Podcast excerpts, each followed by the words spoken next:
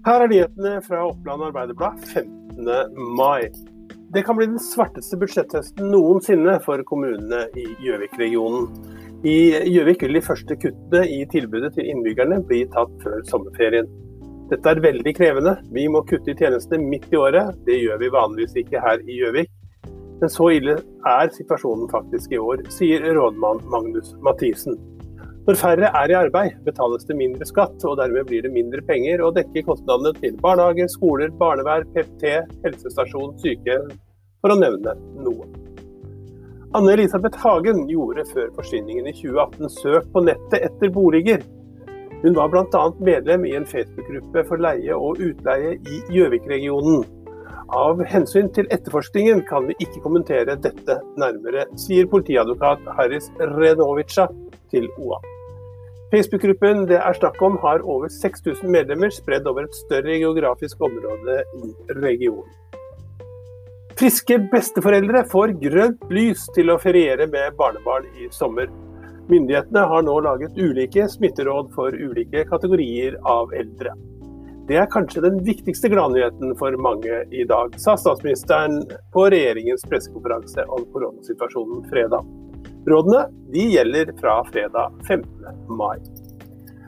Torsdag ettermiddag ble det kjent at personopplysninger til både elever og lærere ved samtlige videregående skoler i Innlandet kan ha kommet på avveie, som følge av en sikkerhetsbrist i datasystemene fylkeskommunen benytter.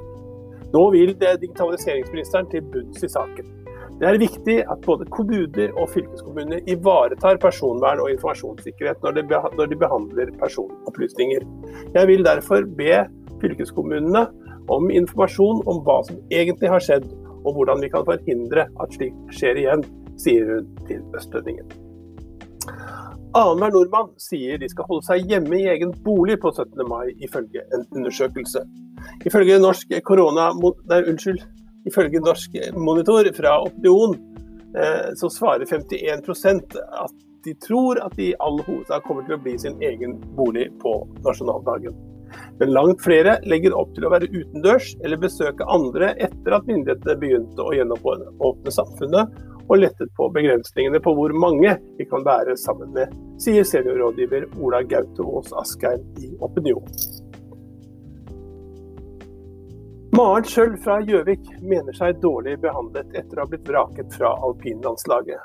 Det er brutalt, for å bruke et sterkt ord. Du går fra å være klar for en ny sesong på landslaget i går, til å være helt arbeidsledig i dag, sier Gjøvik-alpinisten til NRK. Dette var noen av nyhetene i Oppland Arbeiderblad i dag. Du kan lese flere nyheter på oa.no nå, eller laste ned eh, de andre podkastene som avisene har på eh, nettet.